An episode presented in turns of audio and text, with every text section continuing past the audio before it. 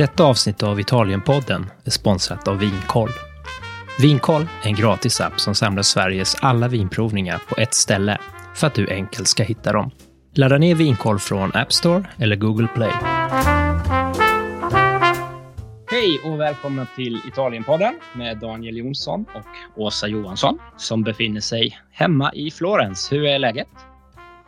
Allt är bra här i Toscana. Det är mm. lite molnigt eh, men våren börjar komma. Eh, det är eh, små blommor som börjar slå ut och så, så det är en ovanligt varm februari skulle jag säga. Vi ska ju prata om Sicilien idag. Vilket ska Precis. bli superspännande. Och jag har någon slags känsla av att det är supertrendigt med viner från Sicilien nu. Är det så du som har lite bättre koll? Jo, men det är det. Ehm, speciellt vinerna från Etna har ju satt Sicilien på den internationella eh, vinkartan ehm, och eh, nu börjar även andra delar av Sicilien vakna till så att det är en eh, spännande period för vinerna från, från Sicilien. Kul, men jag tänker så att jag ska inte säga så mycket utan jag låter låter dig eh, ta med oss på en eh, resa till Sicilien och eh, få lite mer kunskap och information om, om denna spännande region. Och så hoppar jag in om det är någonting. Ja, eh, jag tänkte bara först att vi skulle sätta Sicilien i ett lite större sammanhang. För i Italien är ju världens största vinproducerande land tillsammans med Frankrike. De brukar ju ligga på dryga 45-50 miljoner hektoliter vin per år vardera. Ehm, och i Italien så är det ju regionen Veneto uppe i nordöstra hörnet med Prosecco Company eh, som producerar mest vin. Eh, drygt en femtedel av den italienska vinproduktionen kommer från Veneto. Sen ligger Apulien nere på klacken tvåa och sen så kommer Emilia Romagna med Lambrusco och Sangiovese bland annat. Eh, och sen så kommer faktiskt Sicilien. Mm. så det är en stor eh, vinproducent, en viktig del av den italienska vinproduktionen. Men eh, om vi ska titta lite närmare på Sicilien så är det ju Medelhavets eh, största ö. Eh, och det, Sicilien har ju haft jättemånga olika herrar för att eh, hade man makten på Sicilien så hade man liksom kontroll över Medelhavet.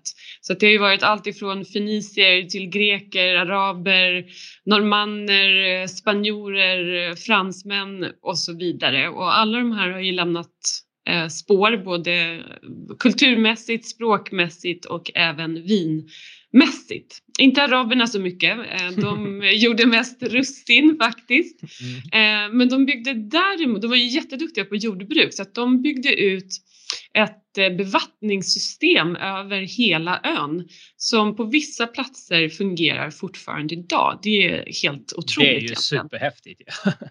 ja men verkligen, verkligen. Um, för vatten är det ju ont om på Sicilien på många platser. Det är stor skillnad. Det, om man, den västra delen där Trapani ligger, där regnar det ungefär 400 millimeter per år. Men kommer man till Etna eh, så regnar det faktiskt nästan lika mycket som i Bordeaux eh, med mm. dryga 900 millimeter. Så det är mm. jättestor skillnad beroende på vilken del av Sicilien man, man befinner sig. Det. Ja, och sen det här med berg och kullar. Eh, vad tror du? Tror du att det är mycket berg och kullar eller hur tänker du? Man tänker ju Etna, så man tänker att det finns en hel del berg och det man har sett så är det väl lite bergigt. Man tänker väldigt mycket också på, på, på sommar, sol och eh, bad och åka som turist. Så, så jag vet faktiskt inte riktigt vad jag tänker. Nej, men det är, det är faktiskt mycket berg. Det är 25 procent berg för att den italienska ryggraden, Apenninerna som går genom hela landet, eh, går faktiskt över eh, sundet från Kalabrien och in på det nordöstra hörnet av eh, Sicilien. Så det är 25 procent berg på Sicilien, 60 procent kullar och bara 15 procent drygt med plattland. Mm. Så det här skapar ju olika mikroklimat och olika förutsättningar och olika jordmåner. Eh, så det finns ja, många olika förutsättningar på Sicilien och det är mer berg och kullar än vad man kanske förväntar sig egentligen. Mm. Och berg och kulla då, det, är det bra förutsättningar för att odla vin? Överlag? Ja, ja, men det är det ju för att man vill ju in, helst inte plantera där det är bördig plattmark för att då blir vinrankorna lata och producerar stora druvor med tunt skal och det vill man inte. Man vill ju att vinrankorna ska få kämpa så att man gör mindre, eh, så att de producerar mindre druvor med tjockare skal. Eh, så att man tycker om den här liksom karga jorden som det ofta finns på berg och kullar. Plus att kommer man upp i höjd så blir ju temperaturskillnaderna mellan dag och natt större och det är också bra för att tanniner och aromer ska mogna ordentligt. Så det vill man ha. Mm. Ja, då, då verkar det vara bra förutsättningar på Sicilien i alla fall. Att odla ja, men vin. Verkligen, mm. verkligen. Och det finns mycket vin. 98 000 hektar finns det. Um, och det, totalt i Italien så finns ju ungefär 700 000 hektar med vinodlingar. Så det, det är mycket vin. Mm. Uh, och vad tror du? Tror du man gör mest vitt eller rött vin? Ja, spontant tänker jag ju rött vin när jag tänker Sicilien. Uh, men jag vet faktiskt inte. Nej, uh, och det, det, det, det gör man ju. Man tänker ofta så här Nero d'Avola som var mm. poppis på, på 90-talet. Så att man förknippar ju Sicilien oftast med rött vin. Men det är faktiskt tvärtom. Det är 64 procent som är vitt vin och Jaha. 36 procent är rött vin. Ja, ganska mycket mer vitt vin då alltså. Mm. Ja, men verkligen, mm. verkligen. Eh, vi ska titta närmare på de druvsorterna sen också mm. som man, man använder sig av. Men nu ska vi först åka och titta på den här stora succén som det har blivit runt om i världen, eh, Etna. Eh, och Etna är ju en fantastisk plats, ligger strax utanför Catania Eh, på, eh, ja, i det nordöstra hörnet av eh, Sicilien. Och Etna är ju en, världens tredje mest aktiva vulkan så att hon puffar och ryker och eh, är liksom med i, i gamet. Hon, hon sover inte eh, alls. Eh, och Etna är faktiskt den enda vulkanen som man uttalar i feminin form på italienska. För att på italienska så säger man ju il vulcano, maskulin mm. form. Men eh, Etna kan, kallar man antingen för o montagna, berget, mm. eh, eller på Sicilien så kallar man henne för Mongibello som kommer från arabiskans gibello, italienskans monti som båda betyder berg. Okay. Eh, men det finns en en anledning till varför man uttalar Etna i feminin form och det är för att sicilianerna ser henne som en mamma. Hon eh, ger och hon tar men hon gör aldrig illa någon med flit. Okay. Eh, ja, eh, men däremot Vesuvius i kampanjen, eh, honom uttalar, man i maskulin form för att honom kan man ju inte lita på. Han håller ju all gas inom sig och kommer explodera men man vet inte riktigt ah, när. Så att, ja, metoo-rörelsen stannade på andra sidan. Ja men precis, precis. men, men Etna är en fantastisk plats. Taormina eh, ligger ju strax nedanför med den här otroligt vackra grekiska eller romerska teatern eh, och, och fantastisk liten by. Eh, och sen så på, eh, på Etnas sluttningar så odlar man eh, apelsiner och sen så kommer man upp så blir det vinodlingar och sen så ju högre upp man kommer desto mer likt ett så här månlandskap blir det. Okay. Eh, och där kan man vandra, och åka skidor på vintrarna och ja, det är en fantastisk plats faktiskt. Men är det liksom, är det lava och så som man, man knatar på? Eller vad, du säger månlandskap, alltså det är bara kargt eller är det är det lava alltså, man går på? Ja, det är lava ja. eh, i olika former mm. beroende på hur gammal lavan är. Men det är ju svart mm. jord mm. eh, uppe på, på toppen. Det är en häftig miljö att, eh, att besöka. Ja, ehm, ja, och vin har man ju odlat på Etna sedan urminnes tider. Ehm, och Etna hade som mest eller på Etnas sluttningar så fanns det som mest 40 000 hektar med vinodlingar. Eh, och det blev speciellt populärt när vinlusen slog till i norra Italien och i norra eller i resten av, av Europa så köpte man från Frankrike och andra delar av Europa eh, och från norra Italien så köpte man druvor från södra Italien. Södra Italien blev som eh, Europas vinskafferi för att vinlusen kom senare till södra Italien. Mm. Eh, och då så fraktade man vin eh, upp till norra Italien och man gjorde så mycket vin på Etna att man till och med byggde en ny hamn i en hamnstad som heter Riposto. Och så hade, och byggde man en järnväg så att varje familj hade liksom sin vinproduktion och så eh, lastade man på det här vintåget som åkte ner till Riposto och så skeppade man upp ja, hur mycket vin, vin som helst. Jaha. Uh, När var detta då, vinlusen och eh, vad, vad, är vi för, vad är vi för Det är slutet på, på 1800-talet, början på 1900-talet. Just det. Uh, men sen så slog ju vinlusen till nere i södra Italien också. Sen så kom de två världskrigen och sen så efter det så började man ju mekanisera arbetet ute i vinfälten och då så blev det inte ekonomiskt hållbart att producera vin på Etna där det är så brant och det sättet man odlar på kräver att man gör det mesta för hand. Så det, det, det, var inte ekonomiskt hållbart så att man övergav bara alla vinfält.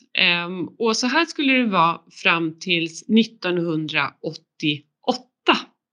Mm -hmm, väldigt länge då som det var mycket övergivna gårdar alltså, och fält och Absolut, mm. absolut.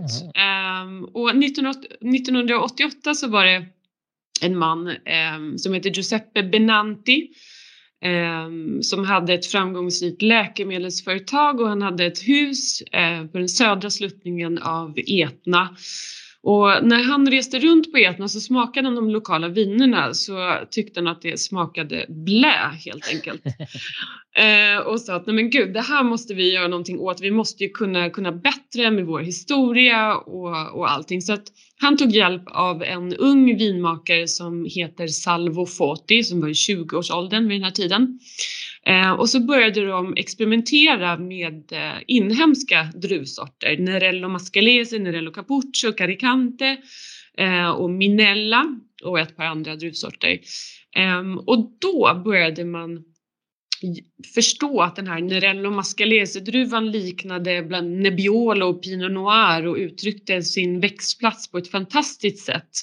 Eh, och även den här gröna druvan Caricante gav lagringsdugliga eh, komplexa vita viner. Det tog många år och de höll på att experimentera men det var då den här vinrenässansen på Etna satte fart. Mm. Och då är vi, eh, så under 90-talet någon gång som är... Ja, ja. Mm. ja precis. Så det är inte alls länge sedan. Nej. Um, och Salvo Foti, nästintill kultförklarad uh, vinmakare från Etna, han kommer faktiskt till Stockholm den 17 mars uh, till uh, The Wine Hub och ska hålla en provning och berätta just om Etnas um, historia. Bra tips. Det, ja, bra tips. Mm. Och det kan vi säga också att om, om man vill ha eh, tips på, på vinprovningar eh, runt om i landet så kan man ju ladda ner eh, den här nya appen som heter vinkoll.se. Eller om man gör egna vinprovningar så kan man ha med dem på Vinkoll. Mm. Mycket bra app om man vill hitta alla provningar som finns. Ja, och det är ju mycket som händer i Sverige så det kan vara svårt att hålla reda på allting. Så det är ett ja, bra verktyg. Ja. ja eh, men, men då på Etna. Man, eh, Etna är ju eh, 3350 meter hög eh, och man gör vin som är en halvcirkel från norr till söder. Så man gör eh, vin på den norra, östra och södra sidan av Etna. På den västra sidan så odlar man pistagenötter, fantastiskt goda eh, pistagenötter, de bästa man kan hitta från Bronte. Ja, men hur kommer det sig att man odlar? Är det, är det tradition att man odlar eller har det med klimatet att göra? Och, med klimatet. Ja. På den västra sidan så är det så här, kastanj, skog, vilt, kallt. Um, så att där, där odlar man inte vin.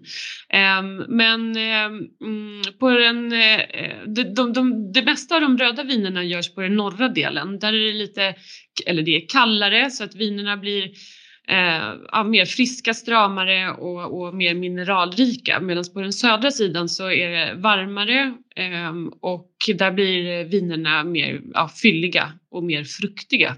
Eh, med många undantag, men bara för att eh, generalisera lite grann. Mm. Medan på den östra sidan så finns det en by som heter Milo och där producerar man vita viner på den här druvan Caricante eh, som trivs eh, på den östra sidan. Eh, det kommer in så vindar från, från havet och man har eftermiddags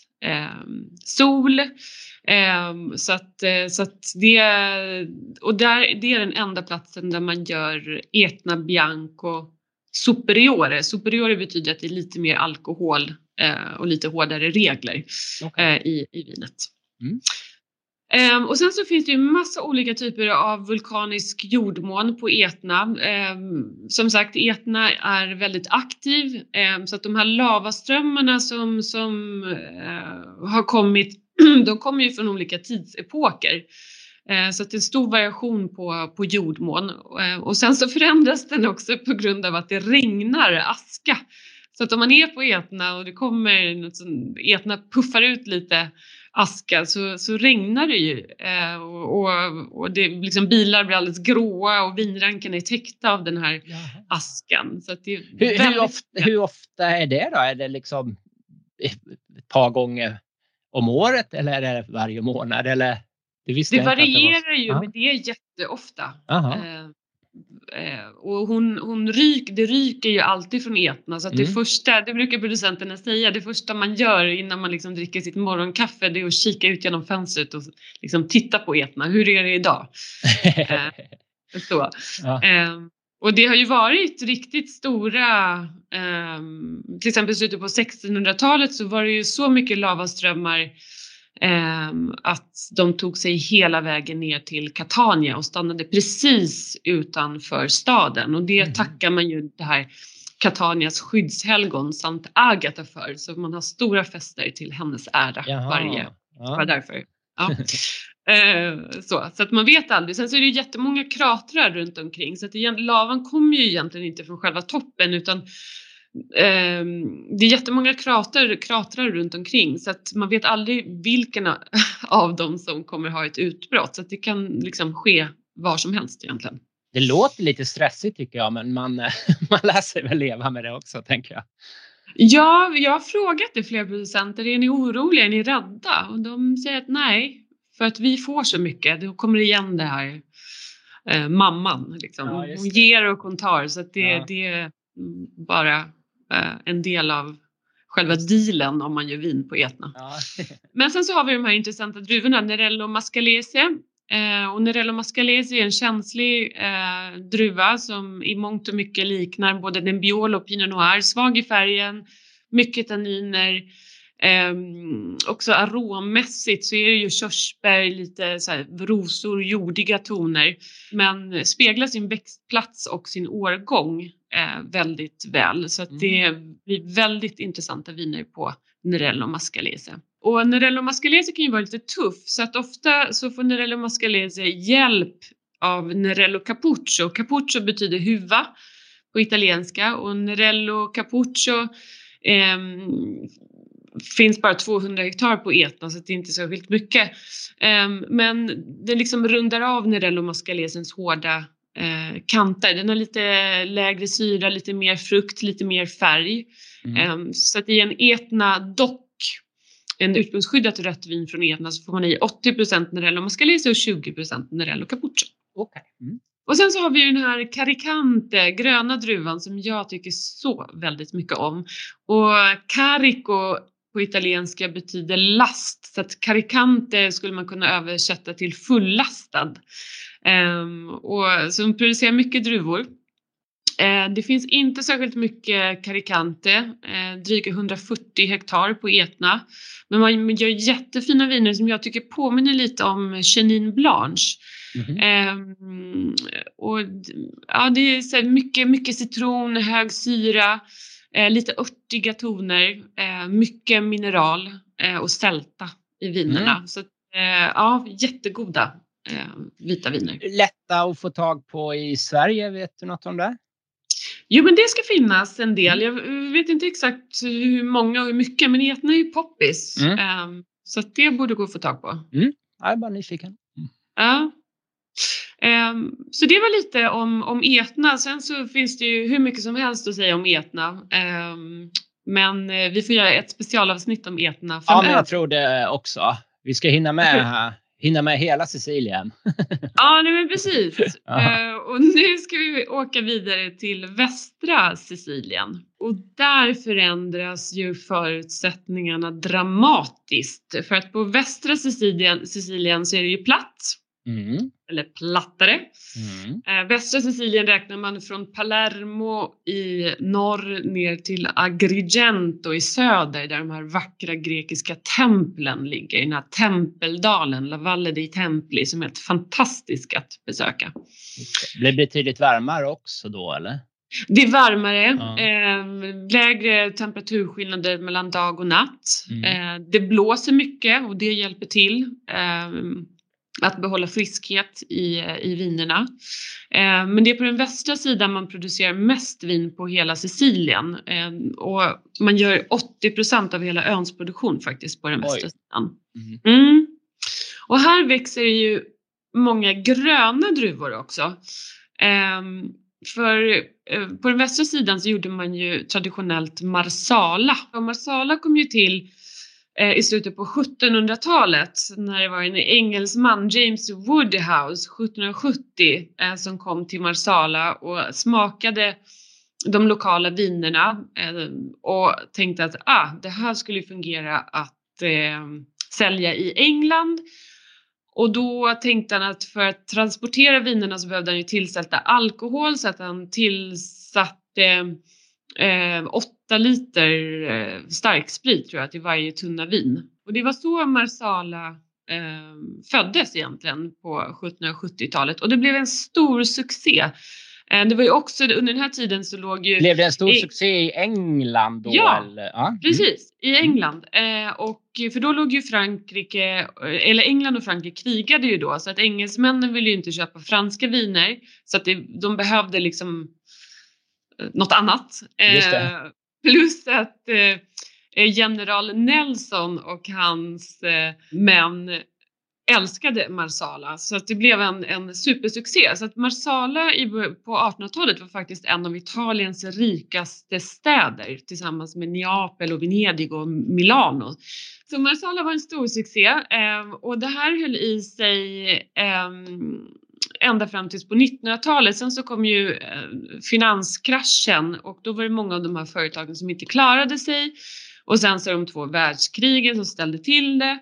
Och sen så blev många av gårdarna uppköpta av den här vermouthproducenten, Cinzano. Och de ville göra mer kommersiella viner och eh, det var då Marsalas rykte eh, började förstöras. Man började tillåta sig att blanda i eh, typ så här äggtoddy och choklad och jordgubbs eh, sirap och massa konstiga saker. Och det var då liksom hela ryktet eh, blev, blev förstört. Men nu är man så sakteliga på, på väg tillbaka men man försöker hitta liksom en kommersiell öppning och försöker förstå hur man ska kunna marknadsföra sig på ett nytt sätt.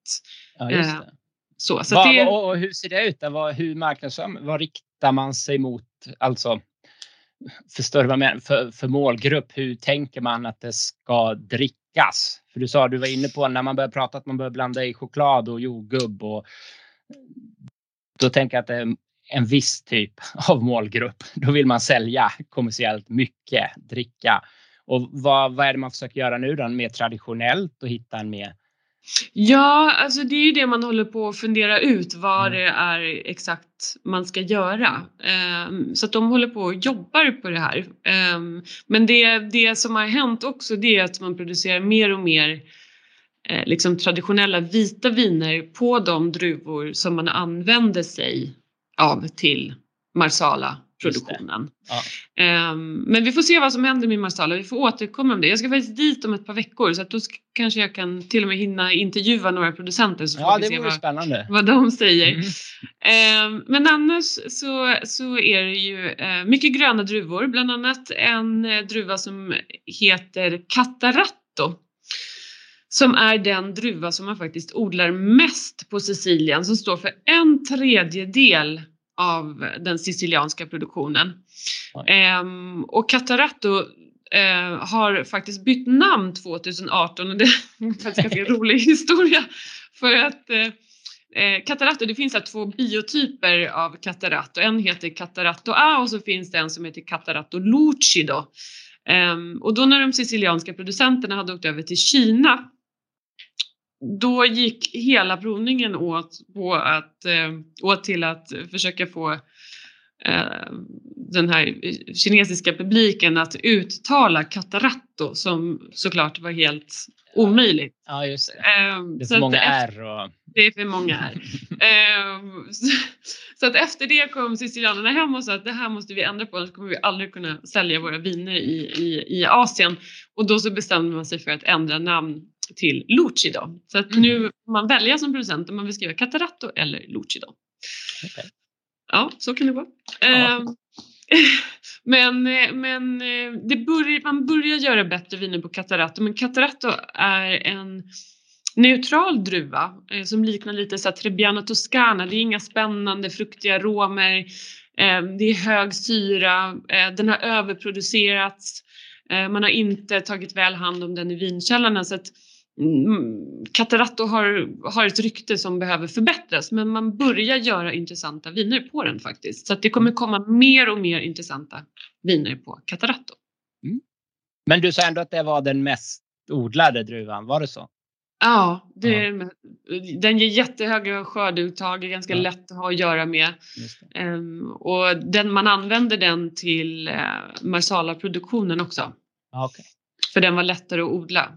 Um, men den druva som är mest i ropet just nu det är ju druvan Grillo. Och Grillo betyder ju gräshoppa på italienska så det kan vara ganska lätt att komma ihåg.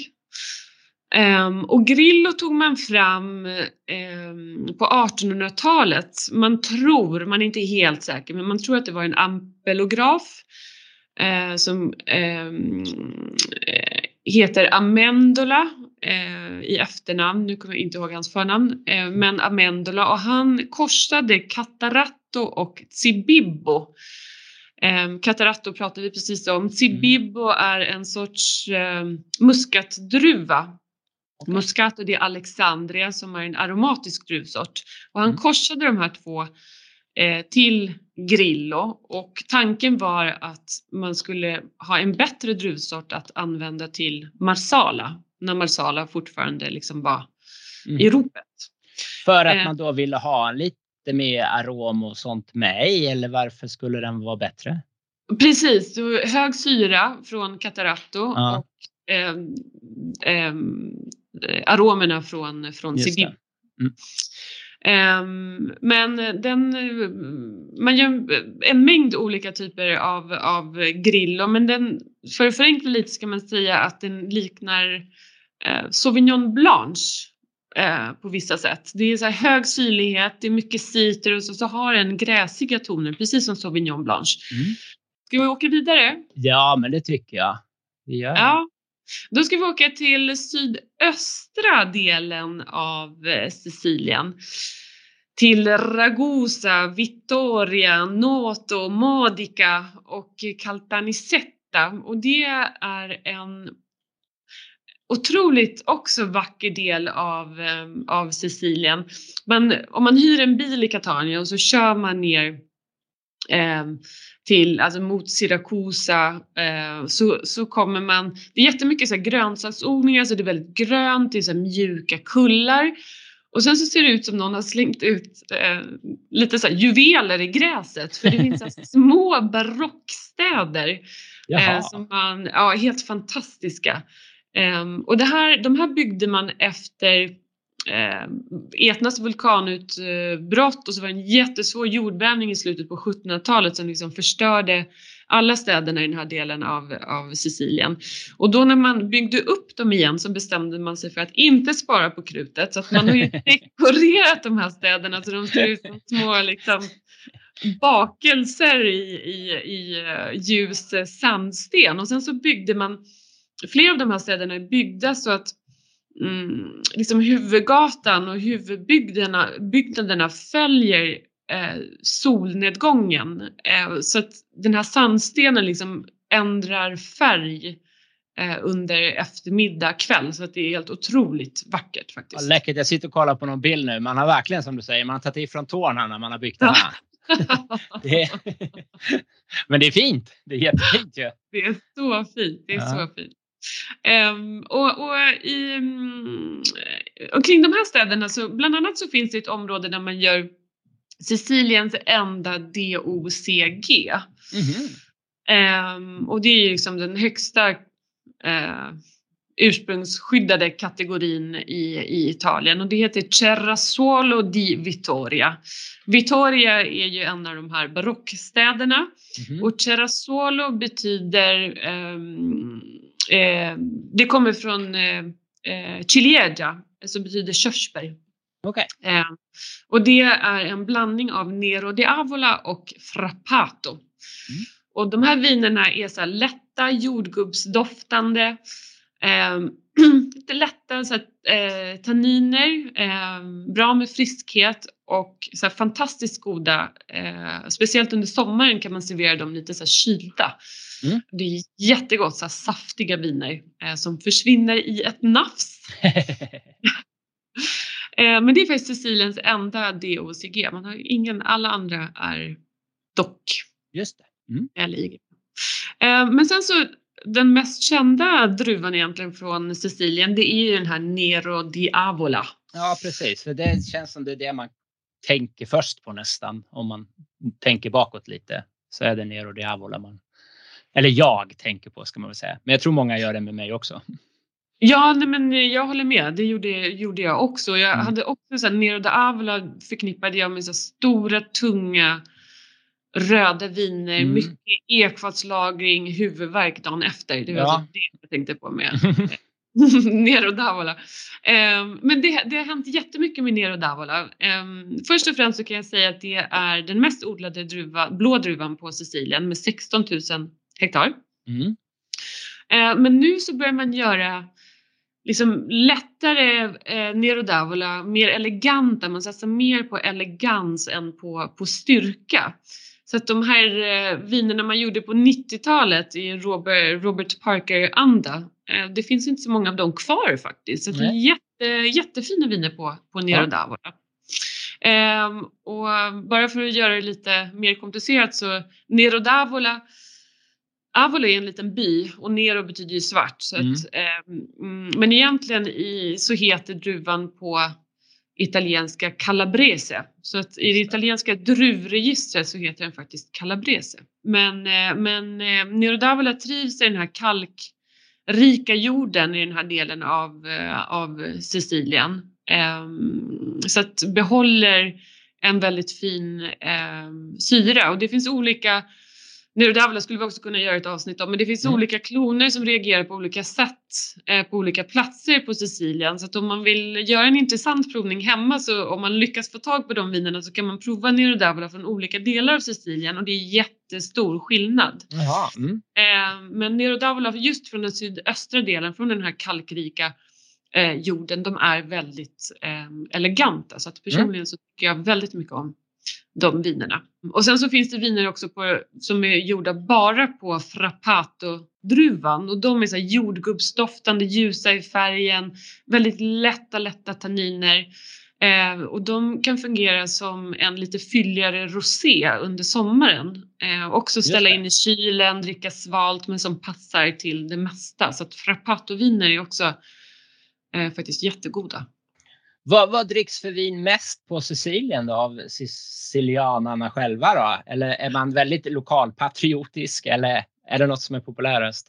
Jo, men man, italienarna har ju en tendens att dricka det som liksom man hittar utanför knuten. Ja.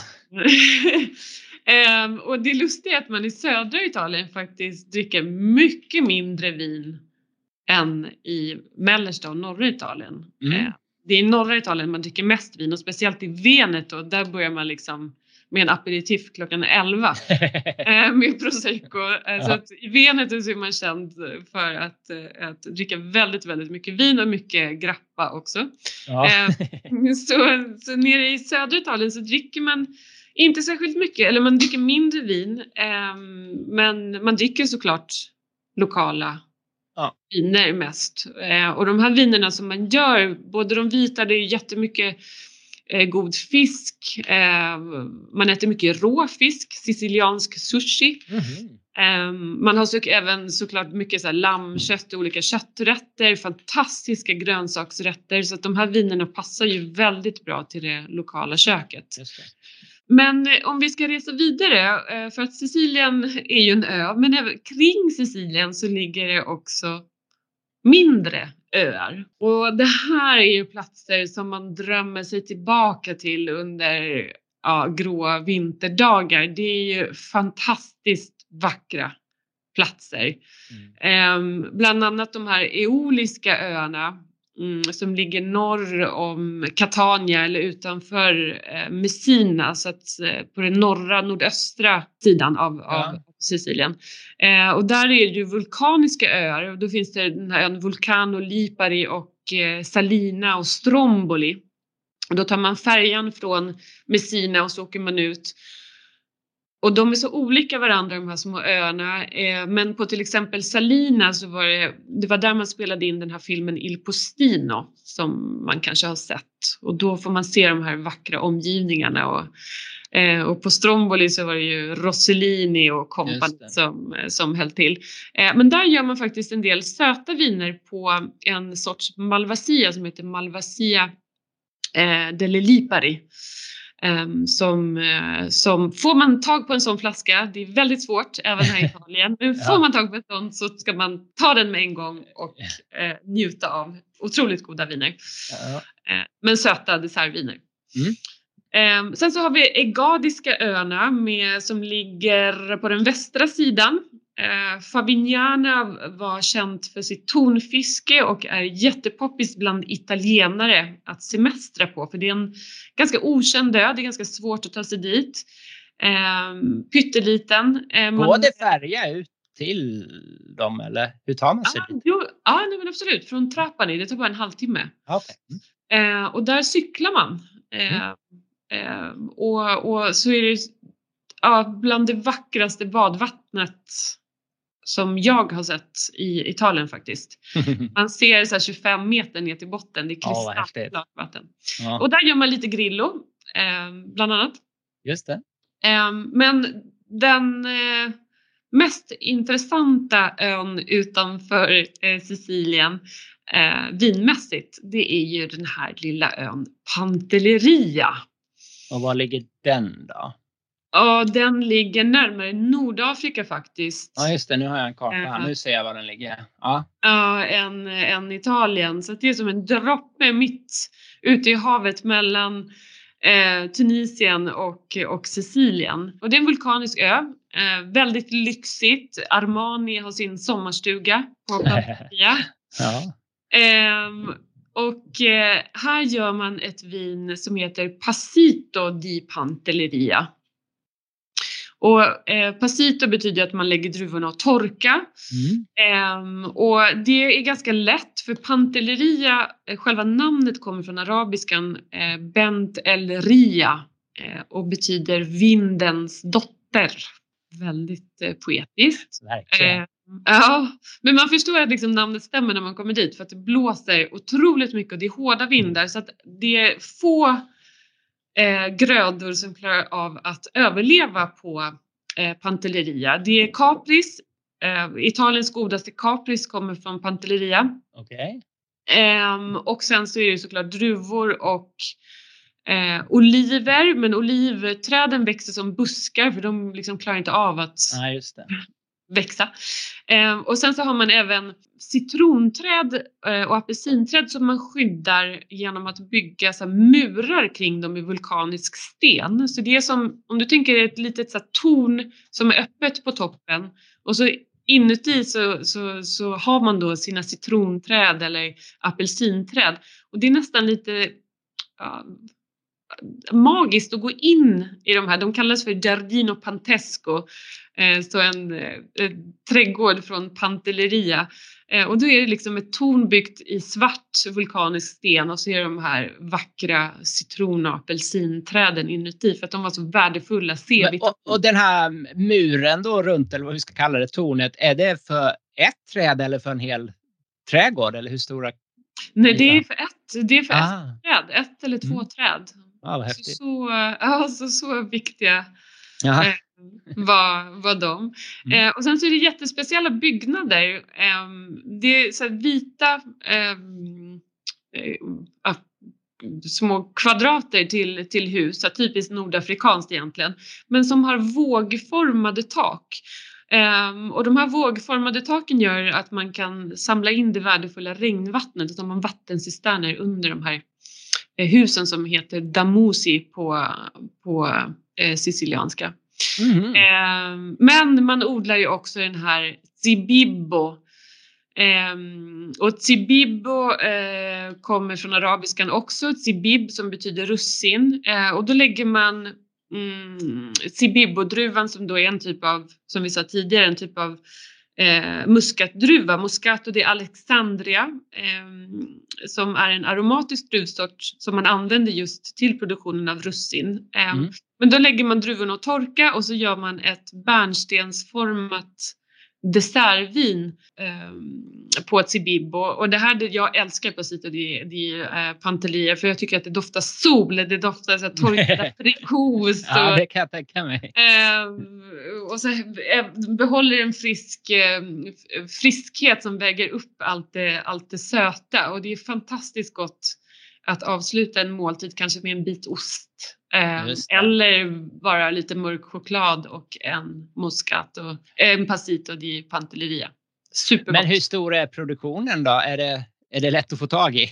Du säger det är jättegott. Är det något Jag som... vet att det finns ett Eh, en Pasito finns på Systembolaget som kommer från Donna Fogata det heter Kabir och det okay. är också jätte, jättegott. Mm. Det vet jag finns. Mm. Eh, annars kan det vara lite komplicerat att, eh, att få tag på men, eh, men det finns på Systembolaget mm. faktiskt. Det kan, man, det kan man prova. Ja.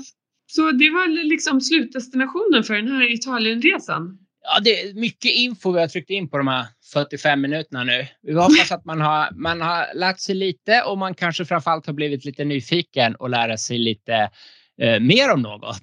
tänker jag. Det, ja. blir, det blir väldigt mycket och det är stort Sicilien liksom. Och man går igenom, men det är superintressant att bara få en, en sån här.